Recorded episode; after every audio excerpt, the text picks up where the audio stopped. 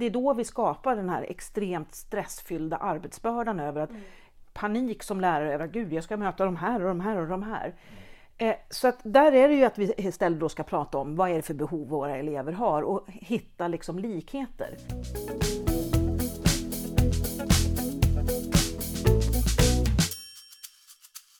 Hej och välkommen till Skolprat. Det här är en podd om skola, undervisning och lärande. Och vi heter Karin Rådberg och Petter Enlund. och vi arbetar som projekt och utvecklingsledare. Och idag så träffar vi Joanna Lundin som är MPF-pedagog och föreläser, handleder och utbildar om MPF och som även har skrivit boken En skola som fungerar för alla. Välkommen till Skolprat Joanna! Tack så mycket. Tack så mycket. Berätta, vem är du? Jag tycker du har gjort en jättebra presentation redan. Eh, Men eh, ja, passionerad skolmänniska. Eh, och jag säger alltid numera att jag är väldigt mycket lärare också. Eh, fantastiskt yrke, fantastiskt jobb att ha. Eh, men sen som sagt, jag brinner för, inte bara för NPF utan för tillgänglighet överhuvudtaget. Och inte bara då heller i den fysiska miljön där vi ofta fastnar i att vi börjar titta på det som en tillgänglighet. Utan tillgänglig undervisning är ju det absolut mest fantastiska som finns att jobba med. Kan vi utveckla det lite? Vad betyder tillgänglig undervisning för dig? Tillgänglig undervisning är för mig att man har en undervisning som når de eleverna man har i sitt klassrum. Alltså att man har skapat en undervisningssituation som sedermera sedan leder då till ett lärande för var och en av eleverna. Eh, För det jag ofta säger numera det är ju att, att den här boken som jag skrivit, En skola som fungerar för alla, där skriver jag ju väldigt tydligt, tycker jag, då, kring hur, hur vi ska göra för att nå våra elever. Och det jag har insett när, under tiden sedan den här boken släpptes, det är att vi ofta fastnar i det fysiska. Alltså att vi har ett visst antal elever i ett klassrum och att, att skolan ser ut ungefär på samma sätt och så vidare. Eh, och att det där då är svårt att titta på individen. Och jag tänker då att vi kanske ska prata om ett lärande för alla istället. Vilket också då är titeln på bok nummer två. Att, att just ett lärande för alla. För då blir det verkligen att jag som lärare behöver titta på alla mina olika elever som jag har i mitt klassrum. Just det. Går du in då på till exempel synligt lärande och de metoderna för att synliggöra lärande och, och så? Eller hur tänker du kring det? Den boken kommer att vara utifrån egentligen hur gör man för att skapa en lektion som är så tillgänglig som möjligt för alla de olika eleverna man har. Så att det handlar om, om att titta från planeringsstadiet till själva genomförandet till efterarbetet i någon slags cirkelsystem. Där utvärdering som ligger, ligger som en väldigt stark kärna i. För att jag tänker att det är viktigt att hela tiden inte bara göra utan också fundera på vad blir effekten utav det jag gör. För det är ju en jättestor skillnad på vad jag gör och hur det landar hos mina elever. Eller hur? Det, det, och hur får man syn på det, tycker, tänker du? Alltså, vad kan man använda för metoder för att få syn på den, på den effekten man har? Framförallt prata med eleverna. Det är ju det grundläggande. Att, att när vi utvärderar, att verkligen utvärdera på riktigt. Det är klart att det är lätt att göra utvärdering så här, hur upplever du undervisning och så får man massa tumme upp och så känner man så här yes. Men att man kan använda prov och läxförhör till exempel som ett sätt att se hur har det faktiskt landat. Sen är jag ju inte någon direkt stark anhäng- anhängare att vi använder läxförhör och prov som rena bedömningsformer om det är det enda. Utan, men däremot som en avcheckning. Hur har egentligen min undervisning landat i form av lärande för mina elever? För det är ju det som är, det är väl den mest effektiva återkoppling man kan få som lärare. Alltså se, ja, men, hur gick det för mina elever? Gick det, gick det bra för dem så, så betyder det att min undervisning var bra. Eh, och, och det blir ju ett kvitto på att jag gör rätt saker. Men du pratar om tillgänglig undervisning. Är det samma sak som inkluderande undervisning eller skiljer du de här... För man pratar ju mycket om inkludering också. Det känns som att du väljer att prata om tillgänglighet istället. Ja, det är svårt. Alltså, inkludering är ju egentligen ett fantastiskt bra begrepp. Problemet är ju att det begreppet eh, har ju urholkats och det tolkas väldigt olika. Och jag brukar ofta ta exemplet det där att, att inkludering, när vi började prata om det någon gång runt 2011, då blev resultatet att man, alla elever skulle gå i stor klass. Så många mindre undervisningsgrupper slog sönder.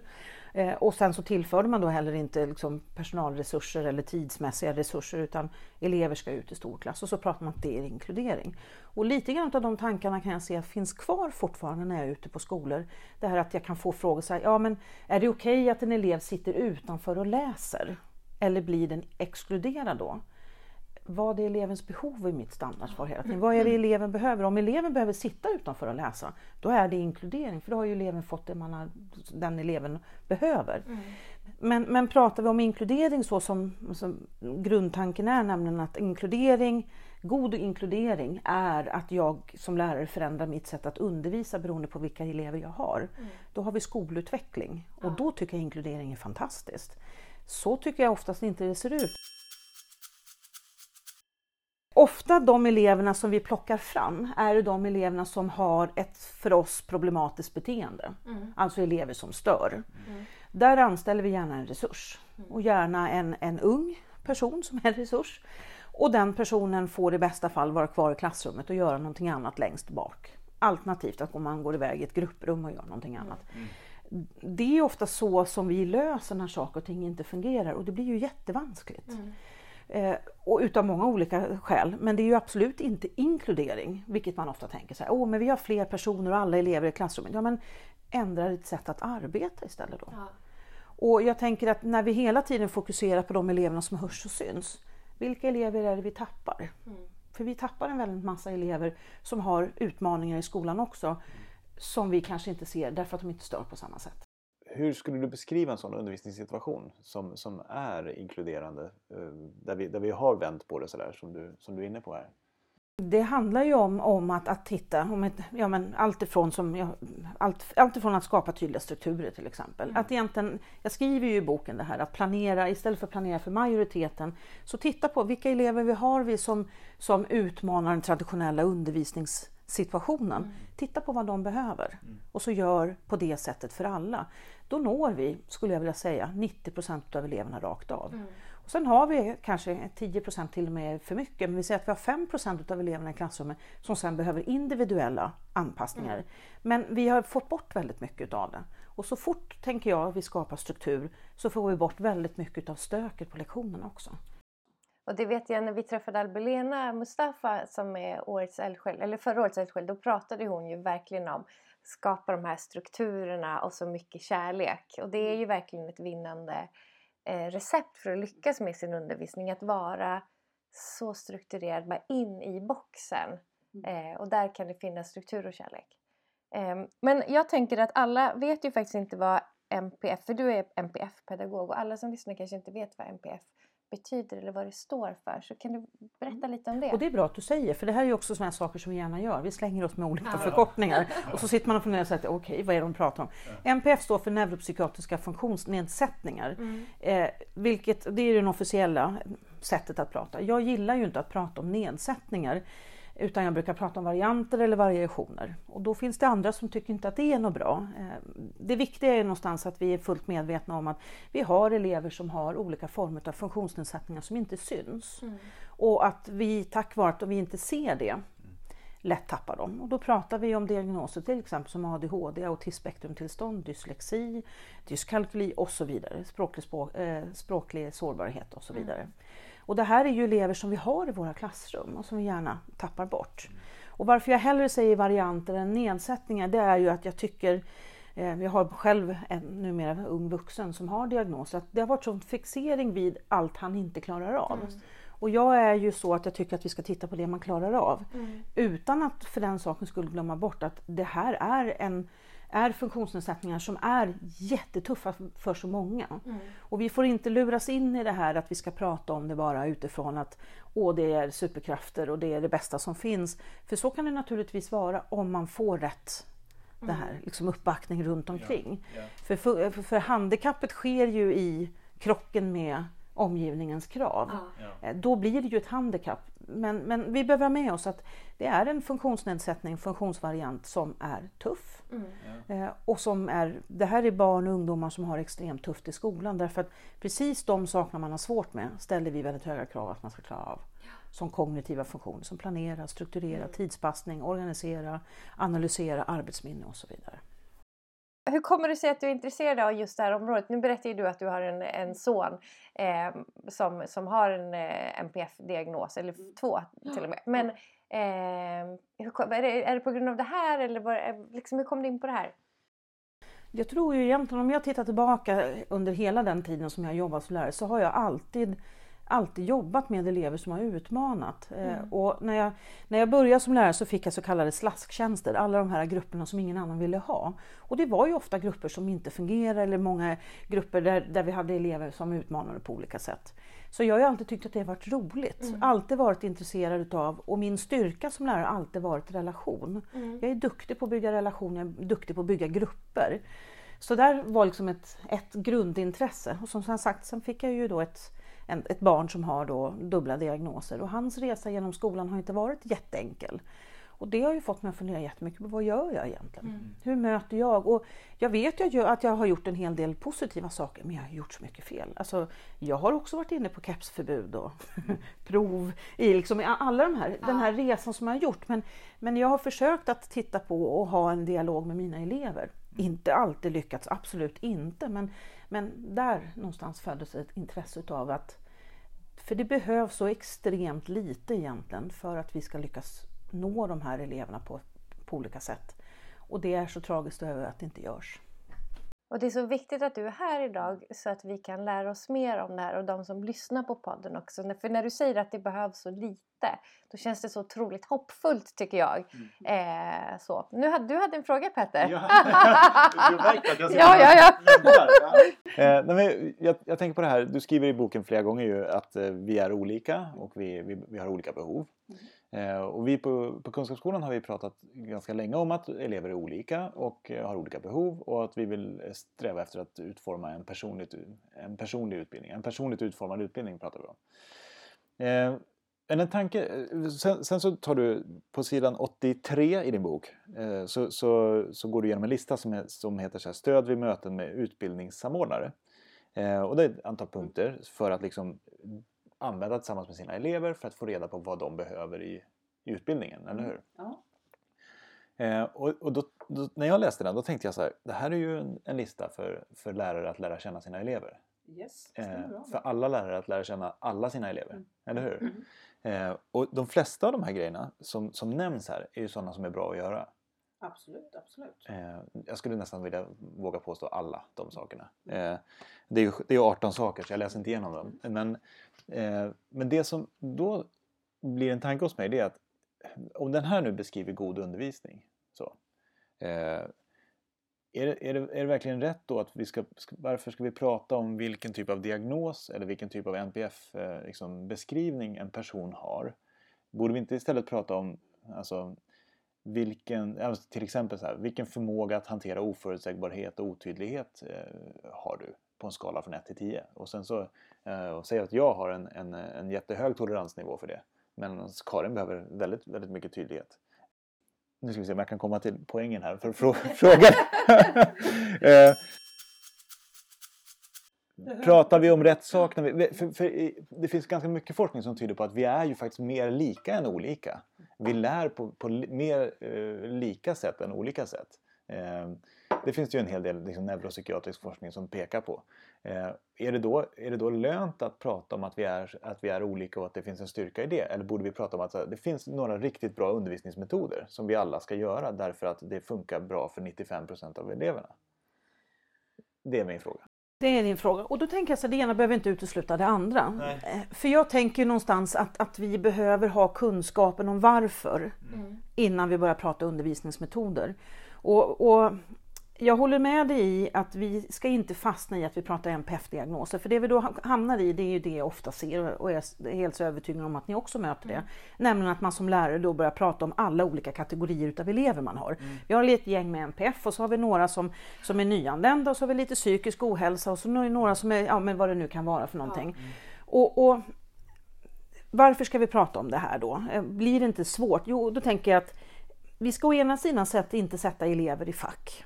För då, det är då vi skapar den här extremt stressfyllda arbetsbördan över att mm. panik som lärare över att gud, jag ska möta de här och de här och de här. Mm. Eh, så att där är det ju att vi istället då ska prata om vad är det för behov våra elever har och hitta liksom likheter. Samtidigt så är det de facto så att vi behöver ha kunskap om vad MPF är för att mm. vi faktiskt ska förstå varför det är viktigt att bemöta dem på ett visst sätt. Mm. Därför att det som jag ofta fortfarande möter det är ju att ja men, men varför ska vi ha som tydlig start på lektionen? Om det bara är två lektioner eller två elever som behöver det. Ja, därför att de två eleverna, om de får det, så får du tid till att faktiskt kanske hjälpa och stötta någon annan i klassrummet därför att de blir självgående. Mm. Och, och, jag tänker att den grundläggande kunskapen om våra elevers behov, vi behöver ha med oss den. Mm. Mm. Och vi behöver ha kunskap, för vi vet ju, Kinds forskning som kom förra året visar ju att tre av fyra lärare säger sig sakna grundkunskaper om MPF. Mm. Alltså det är ju bedrövligt. Mm. Eh, och då kommer det ofta så här, vi har inte fått kunskap. Och då undrar jag, så här, vem är det som ska ge dig kunskap? Se till att skaffa dig kunskap själv. Mm. Det är jätteenkelt, läs en bok eller gå en kurs eller se en film eller lyssna på en podd. Här är ju det livslånga lärandet som ligger som ett ansvar hos oss som lärare överhuvudtaget. Mm. Så att Ja, nej, vi ska inte fastna i för att prata för mycket om diagnoser, men vi behöver ha kunskap för att ha en förståelse kring våra elever. Mm. Sen ska vi hellre då prata om ja, men god undervisning, vad är det? Mm. Vad finns det för olika verktyg vi kan använda för att skapa god undervisning? Eh, och det tänker jag, där behöver vi ha naturligtvis alltså olikheten att det är en styrka. Mm. Vi behöver ha, alltså när jag vet vilka elever och jag har, har full koll på vilka elever jag har i mitt klassrum, mm. då blir det också lättare att planera undervisning mm. som möter. Eller hur? Ja.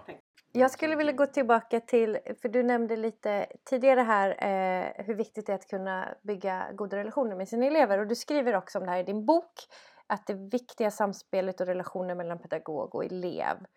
Eh, och jag tänker då hur ska man som skola eller som rektor liksom lägga det här på agendan och prata om nu ska vi bygga relationer. Hur gör man det?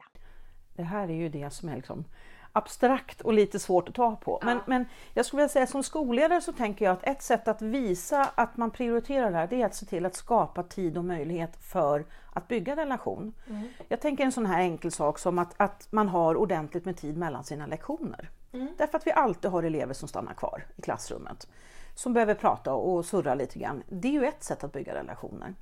Men också så här, att ha tiden att faktiskt kunna gå ut och sätta sig och ta en fika i, ja, i korridoren och prata med eleverna. Eller att det finns utrymme till att faktiskt ha enskilda samtal med eleverna. Mm. Och att överhuvudtaget att arbetsbördan är utav den arten så att man faktiskt orkar gå in i den här diskussionen och så vidare.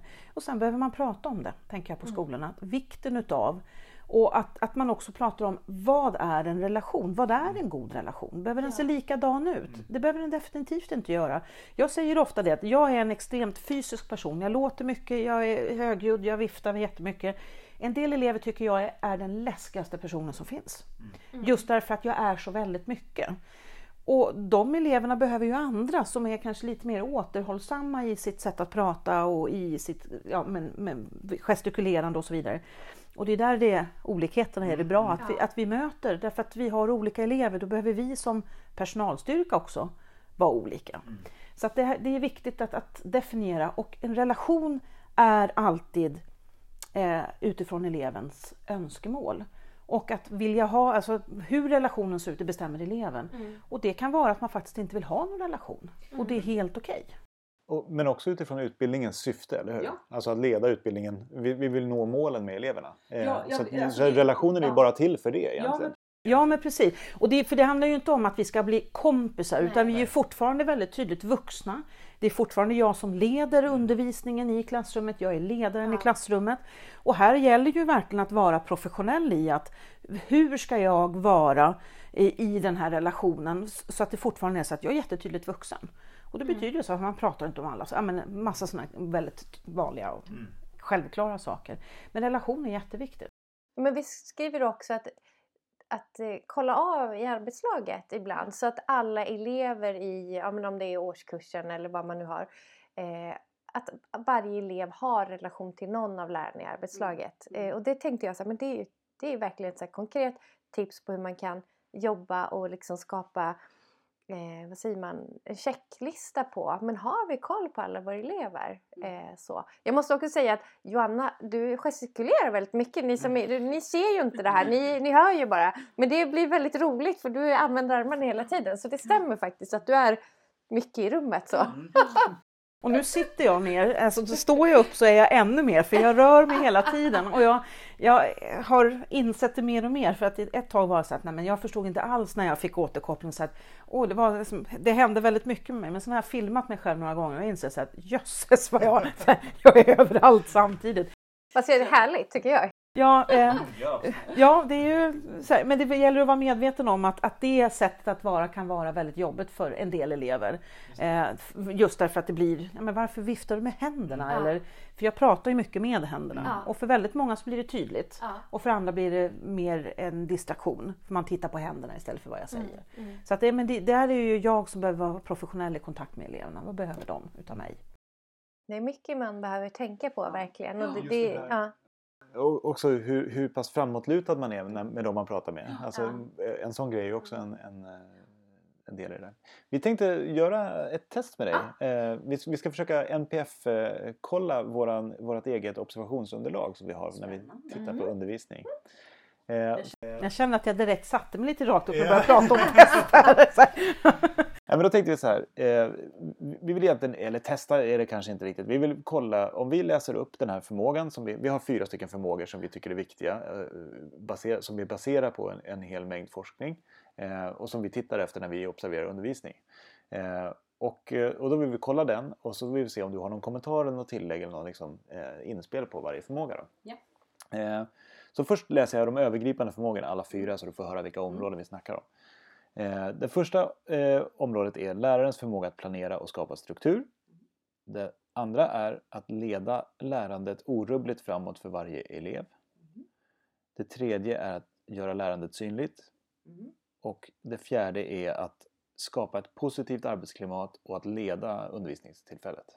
Det är den övergripande bilden. Och det tänker jag stämmer väldigt väl över. Det finns ju forskning från Norge, från Stavanger, där de pratar just om, om lärares, alltså ledarskapet i klassrummet. Och där tänker jag att vi har pratat alldeles för lite om hur viktiga vi är som vuxna i klassrummet. Verkligen. Så att, ja. Ja men bra, då är vi, vi ja, på rätt väg. Ja, men, och då tänker jag också utifrån din magiska sjuan som du nämner i boken här. Eh, om man tittar på den första då, att planera och skapa struktur, så kan man tänka att det, eh, då har vi skrivit att det behövs en genomtänkt start, eh, en noggrann planering med syfte och, och mål med passet som synliggörs. Eh, och, att, och att det är välstrukturerat så man kan följa med det lätt och att det är ett tydligt avslut. Då är det ju den här ramen. För jag tänker att många gånger utav det här när det blir oro så är det ju för att man inte riktigt vet vad som förväntas utav en. Och, och inte heller så här, vad är det som kommer att ske och när. Och har du svårigheter med tidsuppfattning, vilket väldigt många elever har, då är ju det så här, vad är 40 minuter eller 60 minuter? Och, och nu står det 10 grejer på tavlan, hur ska vi hinna med det? Och vad, vad för, alltså, så strukturen är jätte, jätteviktig. Ja, men då, då, hoppar vi, då går vi vidare till att föra lärandet orubbligt framåt. Eh, och, och då pratar vi om att visa att läraren ska genomföra undervisningen med engagemang och tålamod. Eh, och sen så pratar vi om strukturer för att ge varje elev röst. Eh, se till att alla elever förstår innehållet på, på passet eller på lektionen. Eh, och att det leder till tankeverksamhet för eleven. Och, och sen såklart att vi anpassar undervisningen till alla elever. Eh, ja, vad tänker du kring det? Jag tänker just det här att eh, prata vi pratar om att leder till tankeverksamhet. Det handlar ju om att skapa ett lärande. För undervisning är en sak och lärande är någonting annat. Och det är ju intressant just det här. Hur skapar jag den intressanta, spännande undervisning som leder till lärande? Eh, Det är, ju, det är ju jätteintressant att prata om och som där vi också, apropå det här att, att skapa tid och möjlighet till att träffas och diskutera i lärare emellan eh, och delge positiva saker eller också säga det här blev inte som jag hade tänkt, hur kommer jag vidare? Extremt viktigt. Jag läste en himla intressant bok som, som heter What, Why Don't Students Like School? Eh, har du hört talas om den? Ja. Ja, jag, har, jag har läst eh, en annan bok utav samma författare men det är väldigt intressant verkligen. Ja. Ja, och, och han tar ju upp det här, alltså det som, det som en elev har behövt tänka på, det kommer eleven komma ihåg. Eh, och, och flitigt citerat av Dylan William också. ju. Eh, och det, det, är så, det är så tydligt att vi, om vi får eleverna att tänka och vi vet att de tänker, då, då tror vi att det kommer förmodligen leda till lärande. En förändring i långtidsminnet. sådär. Okej, eh, att synliggöra lärandet, det, har ju med det här att göra. Det handlar om målen och det handlar om eh, att ge meningsfull återkoppling, att lära eleverna att bedöma och ge återkoppling. Eh, och ja, men, i, överlag då stödja och utveckla elevernas tilltro till sin egen förmåga genom att de får syn på lärandet. Har du några tankar där? Jag tänker överhuvudtaget det här att vi för mig handlar det där väldigt mycket om att man som lärare vågar släppa lite grann på kontrollen. Därför att vi fortfarande är ju väldigt mycket i den traditionella undervisnings, det här jag eh, är ledaren för allting. Att någonstans tänka så här, var sker ett lärande i mitt klassrum? Måste det vara jag som är den som hela tiden leder det eller kan man jobba på annat sätt? Eh, och också hur pratar vi kring att vi provar saker? Är det misslyckanden eller är det så att vi provar olika vägar? Mm. Och då kommer ju också jag som lärare in väldigt viktigt det här att vara en rollmodell. Alltså att visa på att jag behöver inte kunna allting, men vi lär oss tillsammans. Mm. Och då tänker jag så här som digitala verktyg där många säkert kan känna sig osäkra kring. Men prova tillsammans med eleverna. För det är ju det absolut bästa sättet att man visar att jag kan inte allt men jag provar. Mm. Och ibland så går, blir det inte så bra men det är helt okej. Okay. Det, det, har ju med, med den sista eh, förmågan som vi pratar om också då, eh, att göra väldigt mycket tänker jag. Ha en tydlig ledarroll, eh, skapa ett arbetsklimat som karaktäriseras av tolerans och förståelse för olikheter och att man har en man, har, man är som lärare en god förebild samtidigt som man då också är lyhörd. Mm. Vad, vad tänker du liksom kring ledarskapsbiten så? Är, är det är det svårt att inte bli för dominant och ta över för mycket? Eller är det liksom, vad är din... Jag tänker att man behöver sortera ganska, ganska väl därför att vara tydlig ledare handlar inte så mycket om att vara dominant utan jag tänker att det handlar väldigt mycket om att, att någonstans gå in och inta klassrummet. Det här är liksom här är, jag har en tanke med vad som ska ske mm. här. Det är jag som har det övergripande ansvaret. Och det viktiga är någonstans är ju att mina elever känner att jag har koll. Mm. För har jag, liksom, känner de att nej, men nu vet hon inte riktigt vad som ska ske och nej, men det verkar inte riktigt genomtänkt eller välförberett eller, och så vidare. Då tappar man. Och jag tror att alla som någon gång har jobbat som lärare vet och kan beskriva den där känslan precis när man tappar en grupp. Mm. Och det går så ruskigt fort. Och många gånger handlar det om att jag inte har förberett mig tillräckligt mm. väl. Att jag inte har en plan med vad jag faktiskt vill. Eh, och också kanske en reservplan. Att vad är det för någonting som, jag, som händer om jag det jag nu har tänkt inte blir som det ska. Kan jag snabbt switcha eller är jag så låst i att vi måste göra på det här sättet? Och då kommer vi tillbaka till det vi pratade i början om, att göra utvärderingar. För att jag upplever att det är, alltså lärare i Sverige är extremt kompetenta, de gör ett extremt bra jobb. Mm.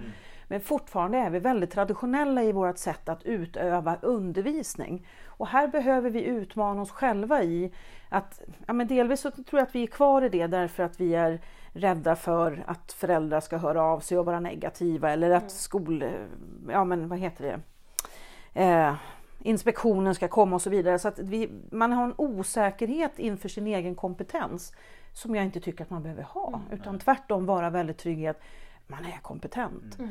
Och att, att, vara kompetent är inte att man är färdig utan att man är själv i det här med lärandet och så vidare. Kompetens för mig handlar väldigt mycket om också att se, sina, se det man behöver utveckla. Ja. Alltså, då, är man ju, då, då, då, då, ser man ju kartan och man ser också var, var det är mörkt någonstans mm. så att säga. Och vad jag behöver liksom sätta fokus på framöver.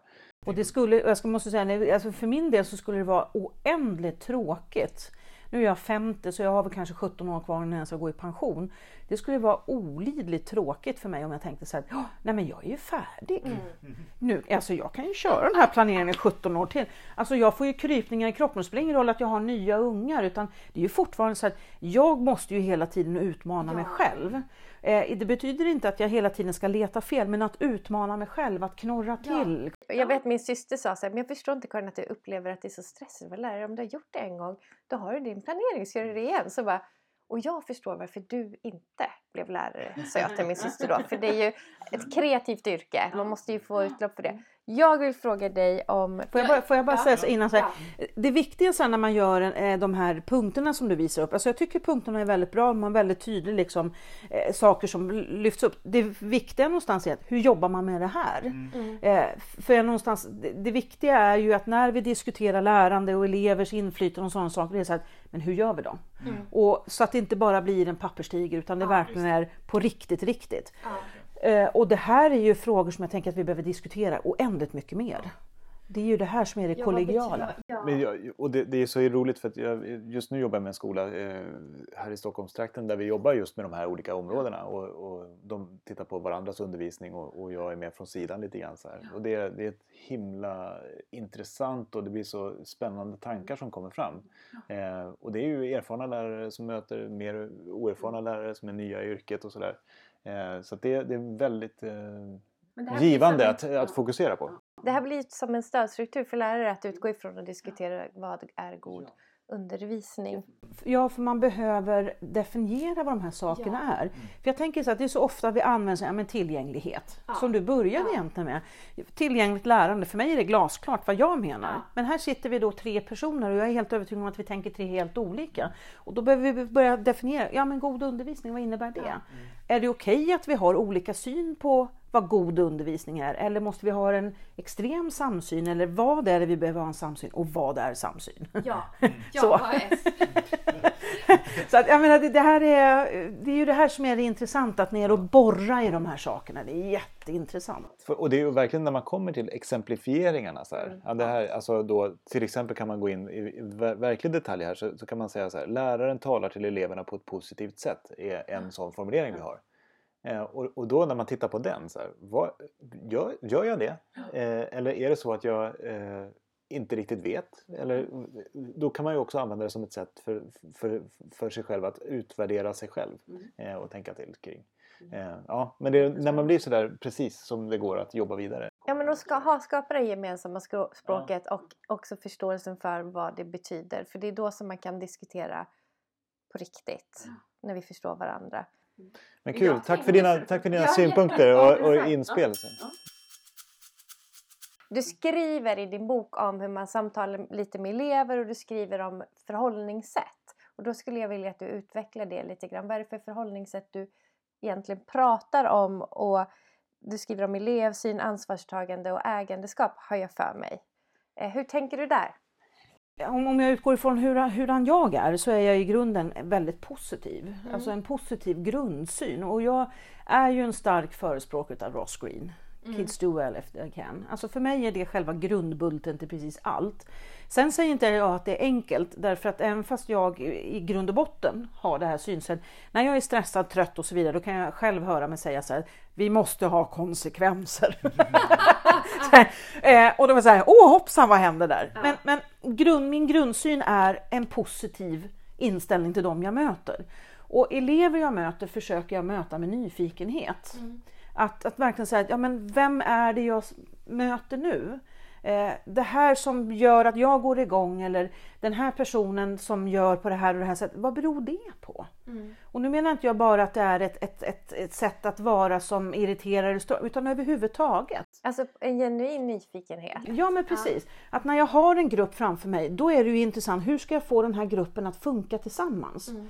Och då är det så här, då behöver jag ju verkligen liksom få koll. Dels det här med relationen, lära känna mina olika elever för att veta vilka styrkor har de, vilka utmaningar har de, hur matchar dem på bästa sätt? Hur stärker jag det som behöver stärkas? Hur lyfter jag det som behöver lyftas? Hur utmanar jag det som behöver utmanas mm. i? Eh, och i den här nyfikenheten, där har jag ju mitt coachande förhållningssätt. Mm.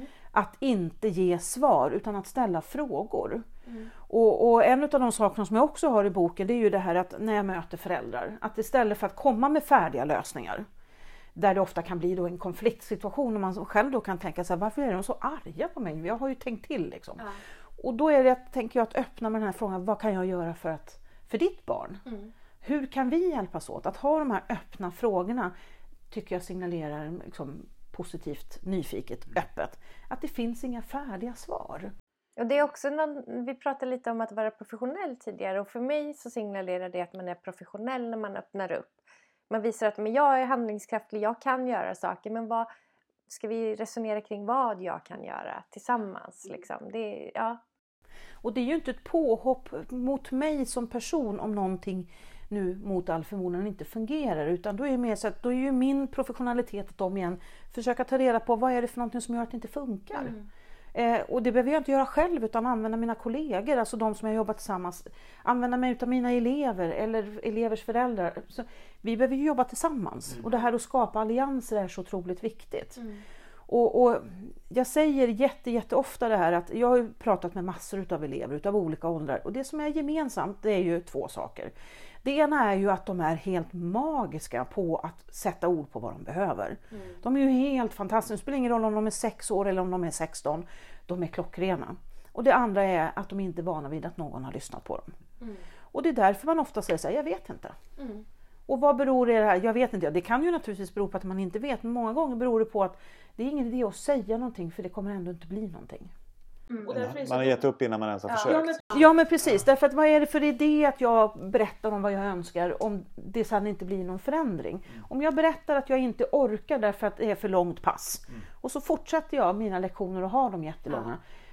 Varför ska jag då vara, försöka ge något svar nästa gång jag får en fråga? Ja men nu ser jag att du inte kommer igång och jobba. Varför ska jag ta något ansvar för det? När du mm. som vuxen inte tar ansvar för det som jag lämnar som förslag. Ja. Så det här handlar ju om att mötas på ett ett jämlikt sätt. Mm. Eh, och för mig är jämlikt att jag möter människor och sen är det så att jag, jag är vuxen och jag är ledare och hela den biten.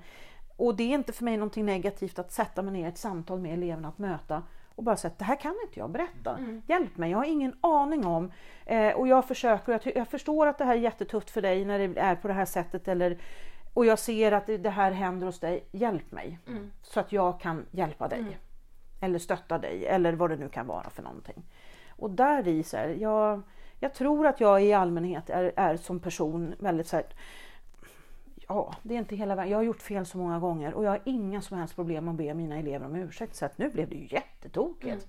Jag blev ju superarg liksom. Mm. Det är ju helt meningslöst, förlåt. Ja. Och jag kände så här, och jag tänkte att det är inte ett nederlag utan alltså jag är ju, det är också att för mig att vara professionell och ta, ta ansvar för det jag faktiskt gör. Mm. Men det här med coachning, det, jag tycker ju att det är ett, ett, en verktygslåda som jag önskar att alla lärare fick möjlighet att använda sig av. Mm. Det är så bra. Mm. Jag, jag har ju använt mycket också när jag har observerat undervisning eh, och tittat på lärare och när jag ska ge återkoppling till dem så, så har jag nästan uteslutande ställt frågor. Vad tänker du kring, kring ditt tonläge i början av passet, i början av lektionen? Mm. Eh, och då, då, sätter man ju ficklampan på någonting som gör mm. att de tänker i, ja. i de banorna och på, kring det området som man själv vill.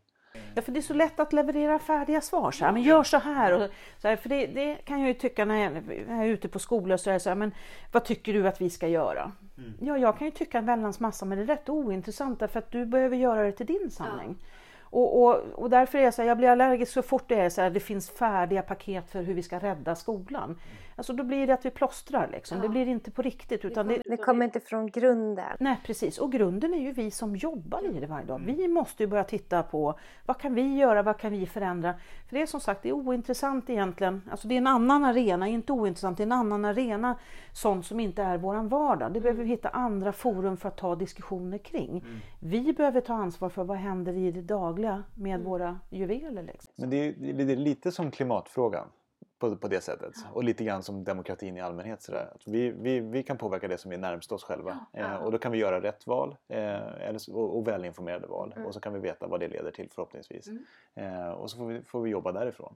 Mm. förhoppningsvis så blir det väldigt många som gör rätt val. Eh, ja, och här är så här, alla positiva exempel. Det, alltså, för det är ju lätt att vi hamnar i det här hela tiden. Att det funkar inte och det är kaos i mm. svensk skola och det är katastrof. Och, och jag tänker så att jag har sett väldigt lite kaos och katastrof i svensk skola fast jag har besökt jättemånga skolor. Mm. Utan jag ser ju otroligt mycket positiva saker. Ja. Och det behöver vi så. lyfta. Alltså alla de här fantastiska ja. miraklerna som sker varenda dag. Det behöver vi lyfta. Jag, jag skulle vilja ha tre stycken av dina favoritstödstrukturer eller favoritmetoder eh, att använda i klassrummet imorgon för de som lyssnar på det här? För det här är svårt därför att det, ja. det ska ju vara konkreta handfasta saker. Mm.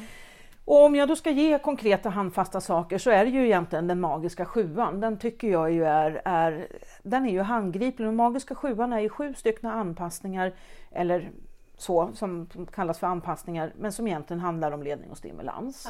Ja. Eh, och som är enkla att genomföra. Den ena kostar pengar, det handlar om kognitiva hjälpverktyg. Men i övrigt, tydlig start och slut på lektionen, ha en agenda på tavlan, eh, tydligt syfte med vad som ska göra, fasta placeringar hela mm. vägen genom grundskolan och gymnasiet, tänker jag är mm. jätteviktigt.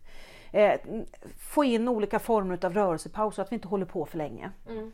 Och det behöver man inte bryta av att ha en brain break där alla ska stå och hoppa utan det kan vara en sån sak som att Istället för att sitta ner och diskutera så går man runt i klassrummet och diskuterar. Ja. Eh, eller att man står upp och pratar istället för att sitta ner. Mm. Så det finns olika varianter.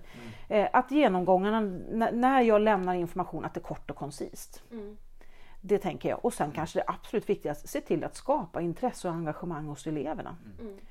Och hur gör man det? Ja, delvis kan det vara jättemycket passion. Ett exempel, jag var inne i, en, i ett klassrum där läraren pratade om grammatik, svensk, alltså grammatik i, i svenska språket. Och det kanske är så som man tänker för i första ögonkastet, hur kul är det? Det visade sig att det var hur kul som helst. För hon var så passionerad och, hon, och hela hon bara, åh hon älskade att få prata om, om grammatik. Och eleverna gick igång. Och det var så häftigt att se att det här när det riktigt brann till. Så det är ju ena passionen hos sig själv. Men, men sen tänker jag också att hur, fråga eleverna. Tänker, pratar vi om geografi, ja men prata om vad, vad har ni varit, vad har ni sett, vad har ni upplevt? Eh, så intresse och engagemang, superviktigt. Mm. Eh, så att ja, så kort och koncist egentligen. Magiska sjuan, jag säger den. Det är då mm. sju stycken blev det istället för tre. det, okay. det blev ett gäng bonusar ja. där liksom. Fyra i bonus, det tar vi med oss och det tackar vi så mycket för. Jättestort tack. Och verkligen stort tack för att du kom hit. Det var ett väldigt spännande samtal det här. Alldeles för kort. Eller hur?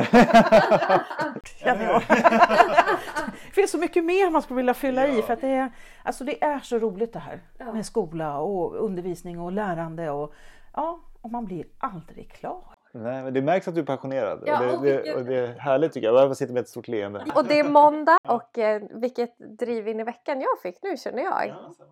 Wow! Tusen tack!